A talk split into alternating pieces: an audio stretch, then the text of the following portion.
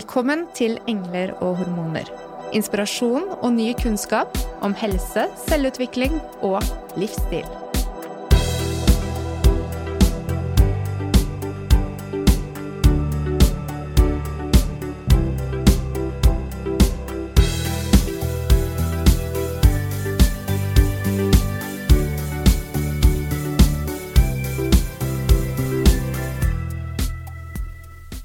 Mange kvinner får smerter og nedsatt funksjon i svangerskapet.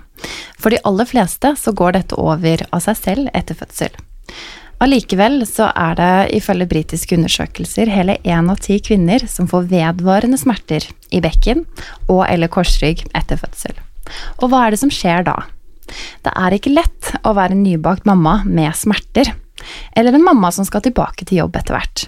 En kvinne som ikke klarer hverdagen, eller kan leve det livet som hun ønsker, eller hadde sett for seg. Hjertelig velkommen i studio, Astrid og Vibeke. Takk. Takk. Og dere er jo representanter fra LKB, Ja. ja, som står for Landsforeningen for kvinner med bekkenleddsmerter. Og dere er, selv om det er veldig mange som sliter med vedvarende smerter i, i bekkenet etter, eh, etter fødsel, så er det ikke like mange som vet om dere. Nei. Jeg håper kanskje dette kan gjøre noe med saken. Mm. Vi sier vel ofte at vi er foreningen som ingen ønsker å være medlem i, rett og slett fordi man tenker at man skal bli bra av bekkenleddsmerter. Men det å bli medlem betyr jo ikke at man ikke skal bli bra. Nei, det gjør det ikke. Jeg tror det kan være hjelp på veien videre. Å møte andre i samme livssituasjon kan gjøre at du får kunnskap som gjør at du gjør kloke valg i eget liv og, og får, bedre, får et bedre liv. Mm. Så dere er en, en gjeng med hele 1000, da. Det er ganske mange, mange kvinner. Ja, men sett i, i forhold til at det er 12 000 som får bekkenleddsmerter i Norge hvert år, eh, og 2000-4000 som får langvarige plager hvert år, så er det jo ikke så mange. Men vi er jo åpen og deler jo informasjon med alle, uavhengig om de er medlemmer eller ikke. Men det er klart, med flere medlemmer får vi større gjennomslagskraft og, og når flere med god informasjon, krav om mer forskning og, og bedre hjelp. Alt det vi skal komme videre inn Mm. på. Men kan vi bli litt bedre kjent med dere? Det kan vi. Jeg, er jo medlem i LKB i Oslo, er mitt uh, hovedlag, og sitter som leder der. Har egentlig ikke vært medlem så lenge, fordi det tok meg mange år før jeg innså at dette var vedvarende, og at det ville være et positivt uh, innskudd i mitt liv å møte en interesseforening. Og det har det jo absolutt vært. Det har egentlig gitt meg en mye større identitet. Jeg møter andre med barn på samme alder. Jeg har jo barn yngste er ti, eldste er tolv år, så jeg har jo levd i denne bekkenleddsmerteverdenen i tolv år. Eh, Men det å på en måte få komme til et miljø da, hvor, eh, hvor det er andre som fungerer på samme nivå som deg, og som forstår, og som vet om man kan spare, og man kan få råd, som Astrid snakket om, har vært en veldig fin ting for meg. Så Vibeke, hvordan startet din reise med å komme inn i foreningen? Kan du fortelle litt om det? Eh, hva skjedde for deg etter eh, du fikk barn? Etter jeg fikk barn, så, så var det jo en prosess med å på en måte klare å få hverdagen til å gå i hop. Eh, Og så var jeg jo veldig veldig innstilt på at dette skal jeg klare selv, og, og komme meg gjennom det og, og komme tilbake i, i arbeid så fort som mulig. Det var på en måte utgangspunktet mitt. Og, men så gikk jo tiden, og det ble ikke sånn jeg hadde tenkt. Og jeg møtte vel egentlig ikke så stor forståelse i, ja, i fagmiljøet rundt meg, så jeg trengte en, en, noen som kunne vise meg litt. Da. Hva, hva gjør jeg nå, Ja. liksom? Og, og veldig fort så kom jeg inn og, og fikk delta i aktiviteter, og, og barna fikk være med, og, vi opplevde egentlig en litt ny verden, for alt var på en måte på våre premisser. Ikke Det var tilrettelagt. Da. Så, så jeg gikk jo egentlig fra å ikke være medlem til å bli leder egentlig i løpet av en måned, fordi jeg tenkte at det her er jo så viktig. Engasjert dame.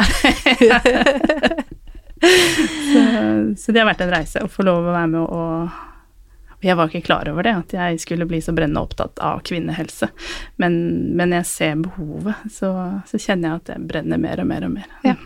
Du er i riktig eh, selskap her. Ja. eh, og så, Astrid. Ja. ja. Du har vært lenger i LKB. Ja. Det er jo snart 25 år siden jeg fikk eh, bekkenleddsmerter første gang. Eh, jeg har unger på 23 og 24 år. Og, og, så tok det litt tid før jeg også meldte meg inn i LKB. Eh, og selv opplevde jeg jo Og jeg var i jobb helt til ungene var sånn 6-7-8 år. Og fikk behandling og ble på en måte trent ut av arbeidslivet. Og dette er jo noe jeg ikke unner noen andre å oppleve, så det er på en måte min eh, Mitt engasjement er sånn Tenk om jeg kan hjelpe én til å få det bedre enn meg. Mm. Og da er LKB stedet å være. Eh, og jeg har fått lov å eh, ha faglig arbeid eh, for LKB, så jeg er noe som heter fagkoordinator, og jobber sammen med forskere og kunnskapsrike folk på bekkenleddsmerter i håp om at vi skal spre god informasjon til de som rammes, og øke anerkjennelsen. Så det er på en måte det jeg brenner for i LKB, og jeg har jo opplevd å møte masse flotte damer. Jeg meldte meg ikke inn i LKB for å få venner, fordi jeg var jo så lei meg for alle de vennene jeg hadde som jeg ikke hadde helse til å møte. Men det var en fantastisk bivirkning å møte andre i lignende livssituasjon, og, og, og være trygg på det. For det er vanskelig å skille seg ut. Det er stor skam og sorg å ikke kunne jobbe, f.eks.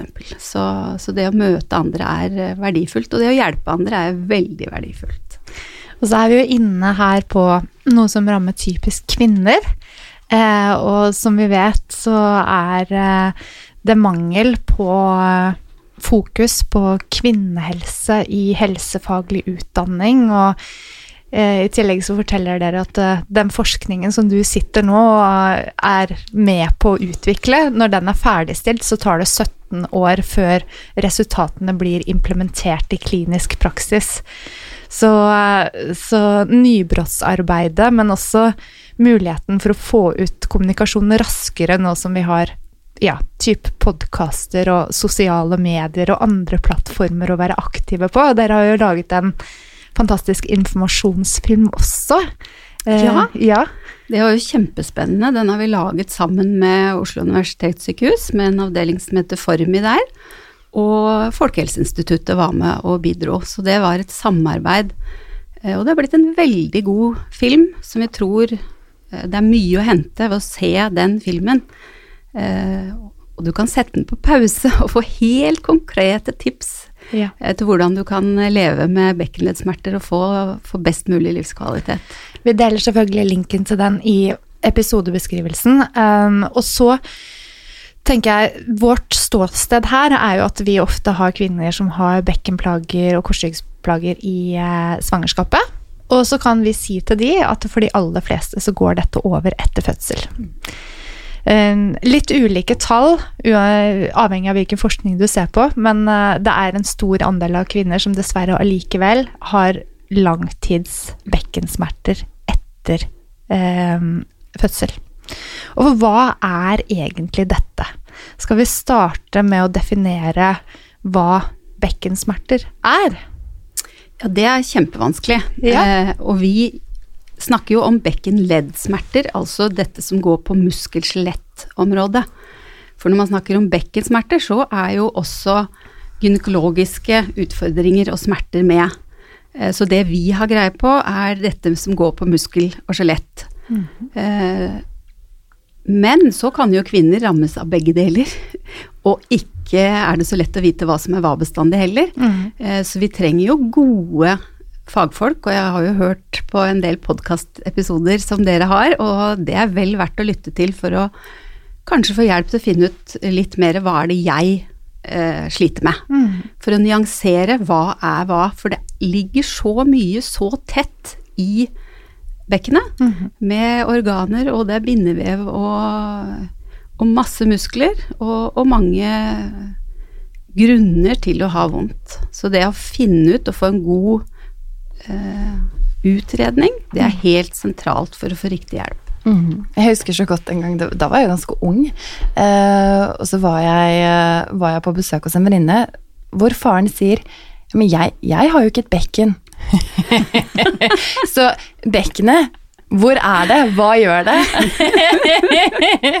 Også menn kan få bekkenleddsmerter. Eh, så, så, derfor så er det jo men, men, det er et komplisert, mm. men veldig sentralt ledd.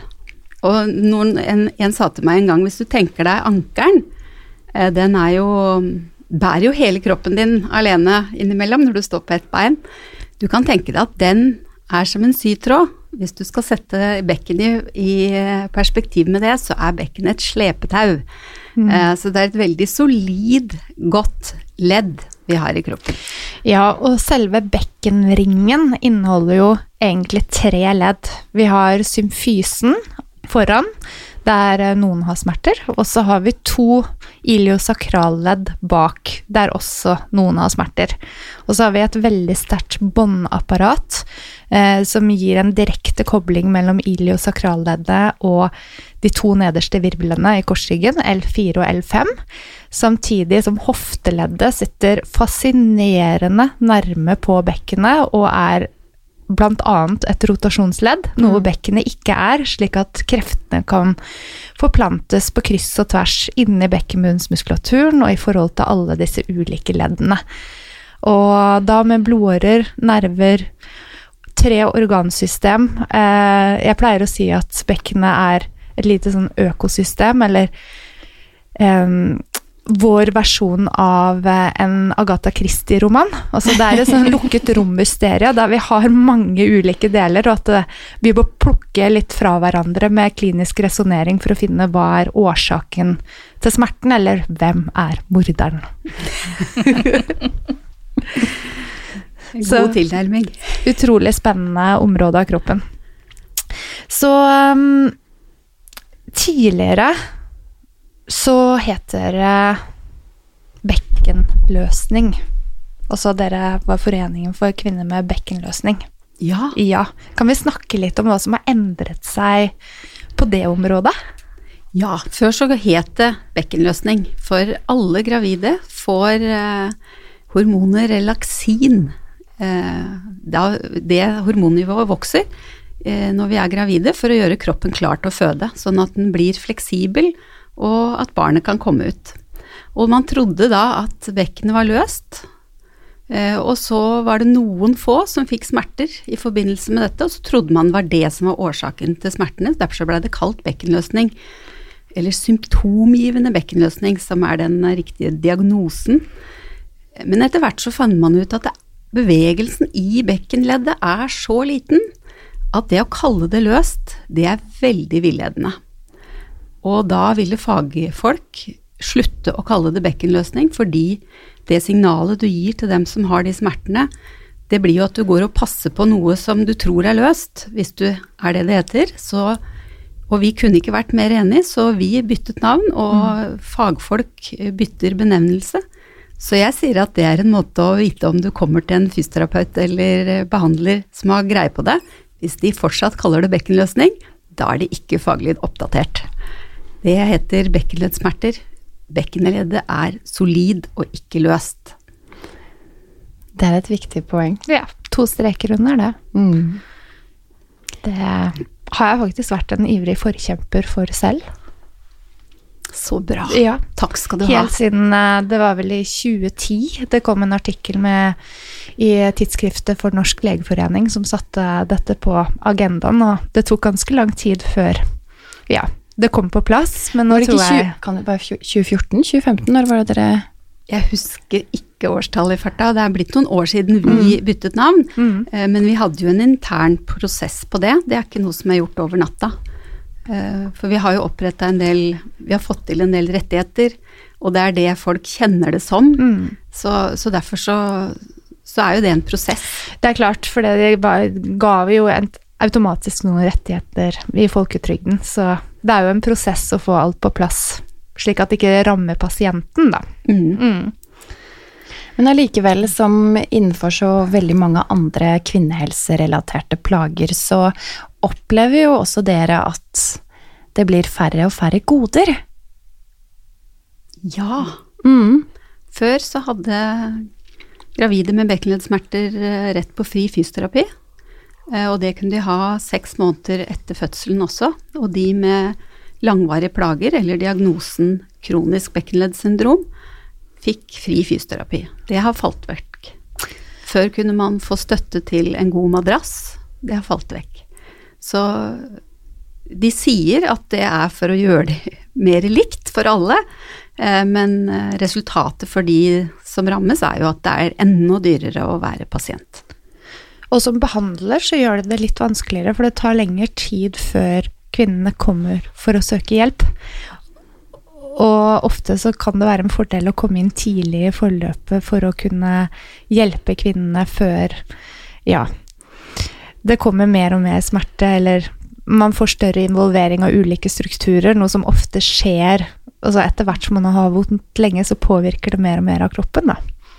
Eh, så, så dette er jo igjen tilbake til dette med oppfølging av kvinner i svangerskap og etter fødsel, som har vært mye på agendaen både når det gjelder eh, liggetid på sykehus, eh, hjelp til å komme i gang med kroppen, eh, amming, psykisk helse. Barselomsorgen må også omhandle mor. Det er vår hashtag. Tidligere, som jeg forsto på Kjersti Hatlebrekke som vi hadde for eh, noen uker siden, så var det jo faktisk slik at alle kvinner skulle gjennom et skall før på helsestasjonen. Som mor, og få sjekket bekken osv. Dette er jo noe som virkelig burde komme tilbake igjen. Ja. Det brenner vi for. Og det å få tidlig veiledning kan forebygge mye langvarige plager. Og vi unner jo ingen å leve med smerter.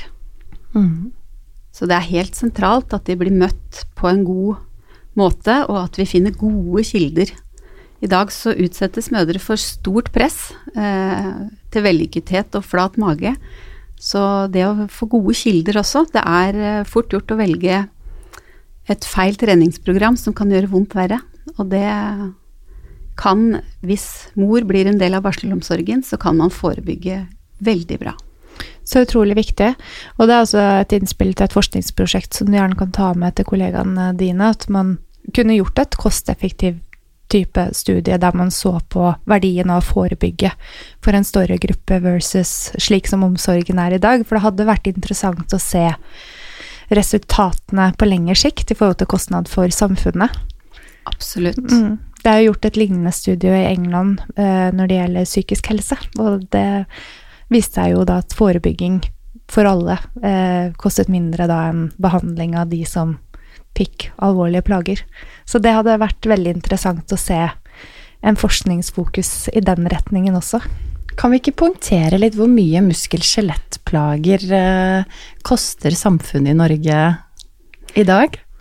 Jo, eh, muskelskjelett koster eh, Det er en tapt verdiskapning på 71 milliarder, viser en tall fra noe som heter Remus-rapporten. Og det er ikke få penger. Og det er altså veldig mange mennesker som lever med stor sykdomsbyrde. Altså, dette er jo nesten så mye penger at det er vanskelig å forholde seg til hva det egentlig betyr. Ja. Jeg har ikke noe forhold til sånne beløp. Sånn totalt på kvinnehelseforskning, hvis jeg husker riktig fra den satsingspakken som kom nå i februar i år, var det ti millioner? Mm. Det er jo bare en vits i forhold til hva du kan svare ved å sette inn eh, støtet der. For selv om det er tapt verdiskapning på 71 milliarder, så er det allikevel sånn at vi snakker 255 milliarder kroner i året i, eh, i um, hva muskel-skjeletthelse koster samfunnet. Ja. Mm. Her kommer forebygging, individuell tilpasning osv. osv. inn. ja. Det er jo store kostnader eh, som samfunnet har, og hvis de hjelper Gir rekt, riktig hjelp til eh, rett tid, så kan du forebygge mye av disse kostnadene. Så denne kunnskapen må da inn i førstelinjetjenesten, for det er dit kvinnene kommer først. Ikke sant? Har vi plager, så drar vi til fastlegen vår. Hva er eh, erfaringene deres rundt møtet med førstelinjetjenesten for kvinner med bekkenleddsmerter? Jeg vil jo si at under selve svangerskapet så, så opplever man jo en, en, oppfølging både av deg selv og, og barnet. Kanskje ikke så stor eh, fokus på, på bekken og kvinnens kropp, men så fort barnet er ute, så uh, opplevde i hvert fall jeg at jeg sto veldig alene. Uh, både å søke informasjon, søke behandling, søke trening. Um, fordi det er ikke et apparat som er bygget opp for å, å forstå det, sånn som jeg opplevde det da, også. Så um, når vi sier at la mor bli en del av barselomsorg i Norge, så, så, er det viktig. Fordi det er en veldig sårbar fase i livet hvor du ikke skal egentlig bruke tid på å, og søke forskning og dokumentasjon og, og finne en vei alene, da, mener jeg. Mm. Det krever mye ressurser av den nybakte mammaen også å skulle mm. orientere seg i en jungel av uh, ulik informasjon og ulike former for behandling og i det hele tatt. Det er ganske krevende å være syk, egentlig. Mm. Fordi, og særlig som nybakt mor, så har du ikke helt luksusen av å bare kunne være syk. Fordi du skal jo ta vare på barnet, primært, da. Så, som gjør det kanskje enda tyngre. Og og ikke oppleve å bli mottatt og forstått det, og høre du er bare en sliten småbarnsmor, eller det vil bli bedre når barnet blir større og du ikke bærer mer, eller energiøkonomisering er jo et uttrykk jeg hørte mye. det blir bedre når du slutter å amme. ja. Og det er i hvert fall feil. Mm. Det å amme er, eh, kan beskytte mot bekkenleddsmerter. Det er noen som har sagt stikk motsatt for en tid tilbake, så det er et veldig fint uh, poeng å få med seg. Og så tenker jeg det at man vet om at det faktisk er mulig at far kan, eller partner kan bli sykemeldt for å hjelpe til hjemme. Mm. Det er også ikke så mange som vet om at den muligheten finnes. Mm. Uh, for det er man er man så dårlig da, at man har problemer med å bevege seg og er avhengig av hjelp, så, så, så, er det viktig å få denne informasjonen i denne fasen. Kjempeviktig. Mm. Far kan få muligheter til å være hjemme hvis mor er syk. Mm. Og så er det jo også dette kravet kvinnene opplever med å skulle dra på behandling og trening når de er dårlige, for det å da skulle få det til i en hverdag mm. med amming og bleieskift, og da er, kan jo utflukten til fysioterapeuten eller behandleren være større belastning enn nytten av behandlingen. Så det å tørre å ta egne valg, stole på hva som er riktig for seg, det tenker jeg er en god beskjed å gi småbarnsmødre.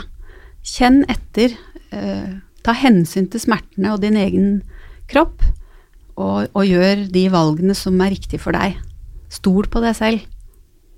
Det er ikke alle som har eh, en 100 meters gåtur til nærmeste klinikk eh, i dette langstrakte landet.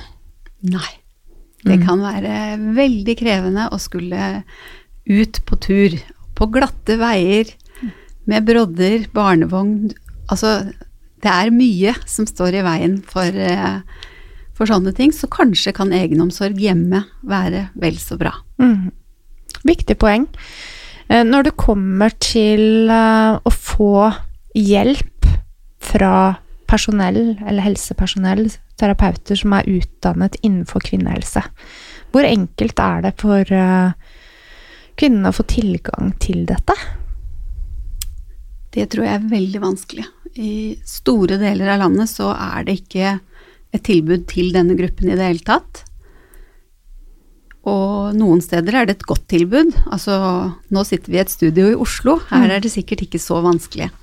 Men etter hvert nå som fri, fri fysioterapi ikke fins lenger, så er det klart at eh, det er også en økonomisk belastning, sånn at det er eh, mange ting som må ligge til rette for at du skal få hjelp.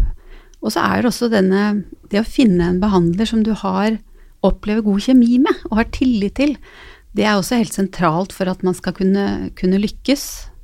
Eh, og så er det jo noen som sier de har en kompetanse som, som de kanskje ikke har. Sånn at det er fort gjort å bomme. Så jeg tror eh, det er viktig for en, en som rammes å bruke tid på å finne en de har god kjemi med, og som de føler at uh, gir dem riktig hjelp. Hvis de blir verre, så må de redusere innsatsen, eh, bytte ut noen øvelser, eller kanskje rett og slett eh, slutte. Ja. Og det er jo flere modaliteter som kan være anbefalt som i et tverrfaglig team rundt en kvinne som har smerte, og der tenker jeg også det er en utrolig stor oppgave for hver enkelt terapeut å se sin begrensning av både kompetanse og fremgang da, eh, i forhold til forventning når det gjelder behandlingsplan, eh, slik at man kan spille på kollegaer eller andre terapeutgrupper der man ser at min behandlingsplan tar ikke kvinnen dit vi ønsker. Og det er veldig viktig, og dessverre at det skal være slik at man møter behandlere som eh, i verste fall kan gjøre vondt verre. Jeg tror jo at de fleste behandlere, eller sikkert alle, vil godt med det de gjør. Mm. Eh, men så er det noe med at man ikke greier å individuelt tilpasse hver mm. enkelt pasient, og det er det pasienten trenger. Og det er veldig mange opplever jo at det er så stort fokus på trening og øvelser og sånn, mens kanskje pasienten trenger eh, hjelp til hvordan skal jeg sette meg, reise meg, hvordan går jeg, eh, hvordan sitter jeg, hvordan finner jeg gode hvilestillinger. Mm. Kanskje trenger de å bli tatt litt på, få litt massasje. Det er eh, denne hands on som eh, fagpersoner snakker om, den er det nok mange pasienter som savner rundt i en del klinikker i dag. Ja, og det legger jeg merke til eh, hvis du ser på de engelske retningslinjene. Så er jo nettopp manuell behandling av uh, kiropraktor, fysioterapeut eller osteopat noe de anbefaler i England. Eh, og det ligger også i Cochrane Review, det siste som er gjort på pelvic girdle pain fra 2015. Så det er jo viktig at vi lytter på det også, og at vi har eh, faktisk Selvfølgelig aldri god nok forskning, men forskning som tilsier at det er å anbefale. Ja. Mm. Og i den filmen vi har snakka om før, så anbefales uh, disse tingene. Mm. Ja. Så det er, eh, det er kjempeviktig. Og så er det jo nettopp dette med å presse seg gjennom det som man får beskjed om. ikke sant? Man skal være litt flink da, og så gjøre disse øvelsene som man har fått råd om. Men eh, jeg forstår på dere at det ikke alltid fungerer optimalt. Hva er erfaringer rundt dette med trening med smerter?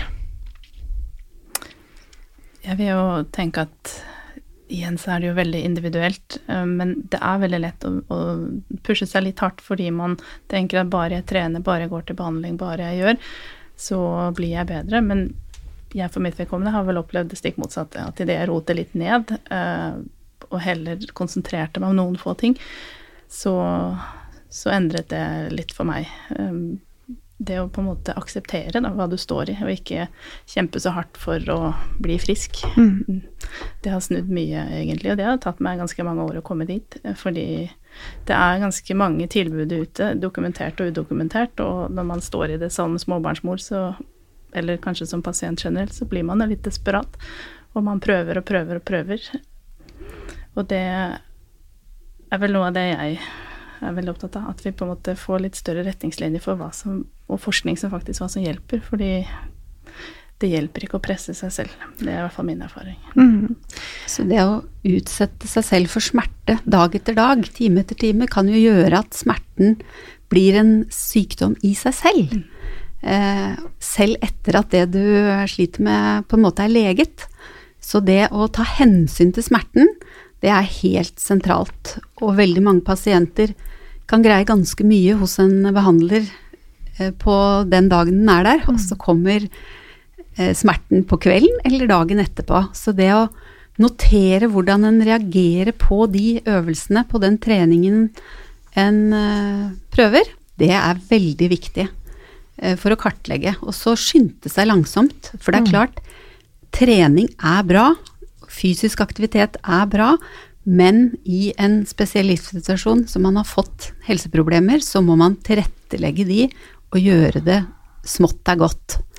Eh, og begynne der. Og mange som jeg har møtt som har hatt veldig langvarige plager, de har blitt bedre når de har begynt å gå, slutte med øvelsene og begynner å gå. Om det så er til postkassa. Det får være vår Mount Everest i første omgang. Og så går man litt lenger, litt lenger, så går man på en smell, og så begynner man på nytt. Og så, når man har fått opp eh, gangkapasiteten litt, så kan man kanskje innføre forsiktige øvelser. Og det å gå på en fornuftig måte, det er det veldig fint å få hjelp til av en behandler med kompetanse på hvordan man bruker kroppen. Så det å gjøre det enklere, det er vel det. Og det, dette er dokumentert eh, at virker, da. Få veiledning til å bruke kroppen best mulig i hverdagen. Eh, og som en småbarnsmor med mye nye ting i livet, så er jo hverdagsaktiviteten sentrale å få på plass. Absolutt. Eh, fra klinikken så kan jeg også kjenne igjen eh, litt av det du snakker om, Vibeke. Eh, at man gjerne vil så mye, eh, både selv, at man er villig til å gjøre så mye for å bli bra, eh, og kanskje starte opp med kanskje litt for mange ting på en gang. Sånn at man Hvis man eh, Ja, at det blir enten en type overload, eller hvis man blir bedre, så vet man ikke helt hva det er som virker. Så det blir en fulltidsjobb å følge opp på alt man gjør. Mm. Eh, og så samtidig dette med velmenende råd. Eh, altså Når man har hatt vondt lenge, så begynner da gjerne familie og bekjente å gi råd om hva man skal gjøre. Har du prøvd det? Har du Ja. Eh, og det er jo eh, kanskje vanskelig for mange også i det at dette kan være en relativt usynlig plage. Det kan være det. Når man sitter ja, her eller er ute i en setting, så er det ikke så tydelig hva, hva som, som, skjer her i, i, vårt bekken. Så det er først idet du setter på en krykke eller en rullestol at det blir mer tydelig, og kanskje respekten for det øker. Um, så det er helt riktig. Og apropos rullestol, så har jo dere innført et nytt begrep. Mm. Ja. ja. Vil du fortelle litt om det? Ja, det er veldig spennende. Gående rullestolbruker. Og det har jo veldig fort blitt anerkjent. Vi har jo en leder i LKBL som har vært litt forkjemper for det. Eh, hvor fokuset på det å bruke rullestol gir en mye større frihet i hverdagen. Mm. Det å bruke rullestol betyr ikke nødvendigvis at du ikke kan gå. Nei. Så det er et hjelpemiddel for noen, men for en del bekkenleddsmertepasienter så er rullestol ikke noe godt hjelpemiddel, fordi mange får veldig vondt av å sitte. Mm. Så det med rullestol er ikke for alle, men fordi det er et hjelpemiddel for, så er det jo kjempefint å bruke det. Og det å tørre å ta den plassen, og det å tørre å være gående rullestolbruker. Ja, for det har det vel kanskje vært litt sånn, ikke skam nødvendigvis, men at folk gjerne Hm, hva er dette for noe, eller det er, er det virkelig Ja, ikke sant? At det har vært mange tanker og meninger rundt det? Mye tanker og meninger rundt det. Generelt det å bruke hjelpemidler som krykker, eller tørre å ta plass i forhold til det å ha en skade og en sykdom, eh, er det jo mye tanker rundt. Eh, og mye av disse rådene da, som hele tiden dukker opp. Har du prøvd, har du prøvd, har du prøvd? Ikke sant?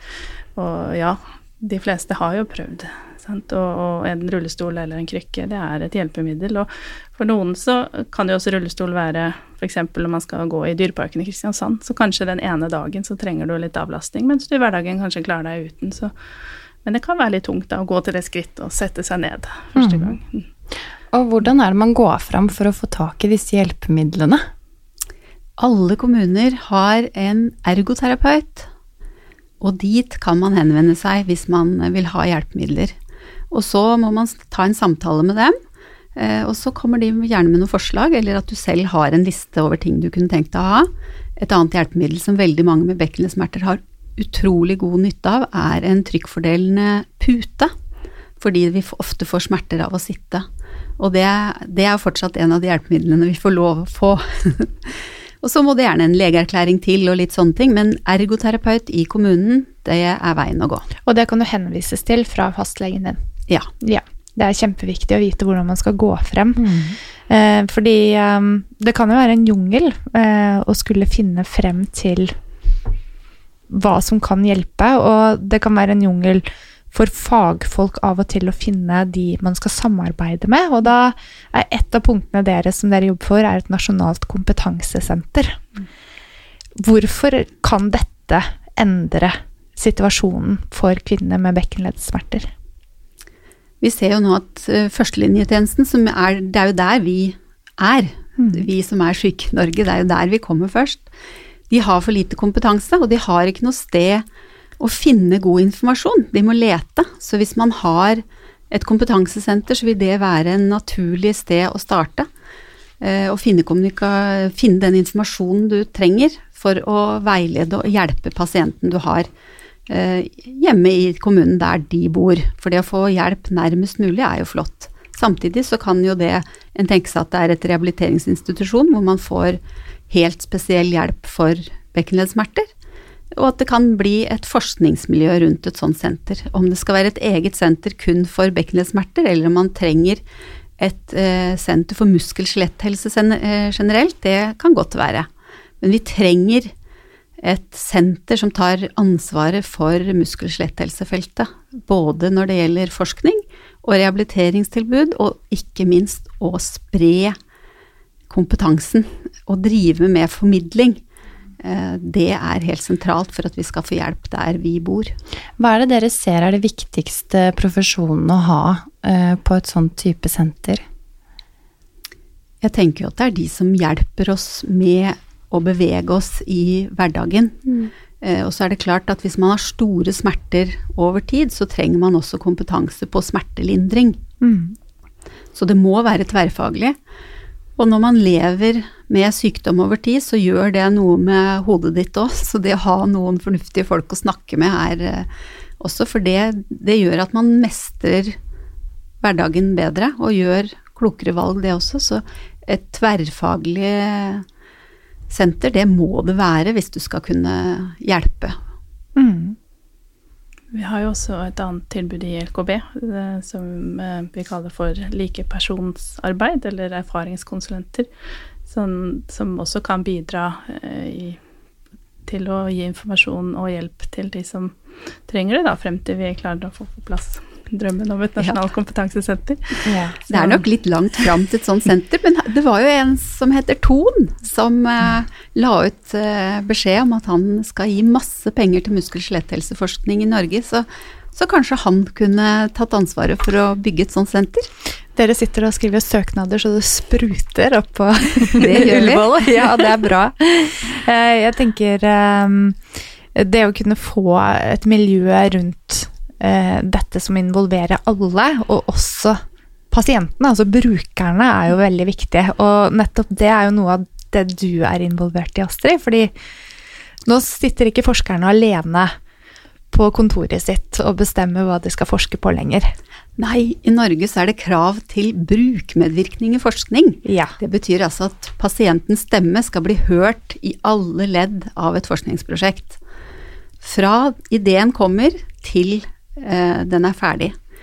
Og da er det mye Kommer jo litt an på hva slags type forskning det er, men samarbeidet pasienter og forskere imellom gjør at forskning forskningen blir mer målretta. Det handler om det pasientene trenger. Og den blir formidla på en måte som pasientene skjønner. Uh, og den blir tilrettelagt på en måte så pasienter kan delta, hvis man tenker seg at det er en studie med utprøving av uh, fysisk trening av forskjellige slag, f.eks. For mm. Hvis det er på gennivå og inne på et laboratorium, så er det nok litt mindre uh, involvering av pasientene, men allikevel så er det med på å gjøre uh, det de forsker på, kjent. Så det at forskere og pasienter på en måte heier på hverandre Vi pasienter vet egentlig ikke hvor mange forskere som jobber rundt omkring for å hjelpe oss. Og forskerne kjenner ikke pasientene som trenger jobben deres. Så det å få et tettere samarbeid der, det kan dekke kunnskapshull i uh, framtida. Fantastisk. Vi må jo bare snakke sammen. Det er jo ikke så vanskelig, Nei. men allikevel så sitter man liksom litt sånn på hver sin tue, så det er jo helt fantastisk at du er der du er. Ja, det er spennende. Jeg er mm. heldig. Så um, mye av uh, det som kommer ut av informasjon, vil da bli kanalisert gjennom deres sider. Sånn at hvis lytteren går inn på deres nettsider, så vil de hele tiden bli oppdatert på hva som rører seg for kvinner med bekkenleddsmerter. Og dere er tilgjengelig i hele Norge? Ja. Mm. Vi har den likepersonstjenesten. Det er uh, telefonnummer som ligger der. Alle kan ringe når som helst, og hvis ikke det passer når dere ringer, så prøv igjen. Får dere ikke kjemi med den dere treffer, så ring en annen. Eh, vi er der. Og så har vi artikkel, eh, linker til artikler med god, dokumentert eh, informasjon. Så lkb.no, det er verdt å besøke. Og hvis du sitter der hjemme nå med plager og smerter, så ønsker vi som behandlere at eh, dere skal søke hjelp så raskt som mulig. Husk at helsepersonell de er faktisk på jobb for å møte nettopp deg. Mm. Og du gjør jobben vår enklere ved å komme så raskt som mulig. Og i samarbeid med flotte pasientorganisasjoner og forskninger så håper vi også at vi skal bli enda bedre på å gjøre nettopp det. Dag for dag. Det lover godt for framtida. Tusen takk for at dere tok turen hit til oss. Tusen takk for at vi fikk komme.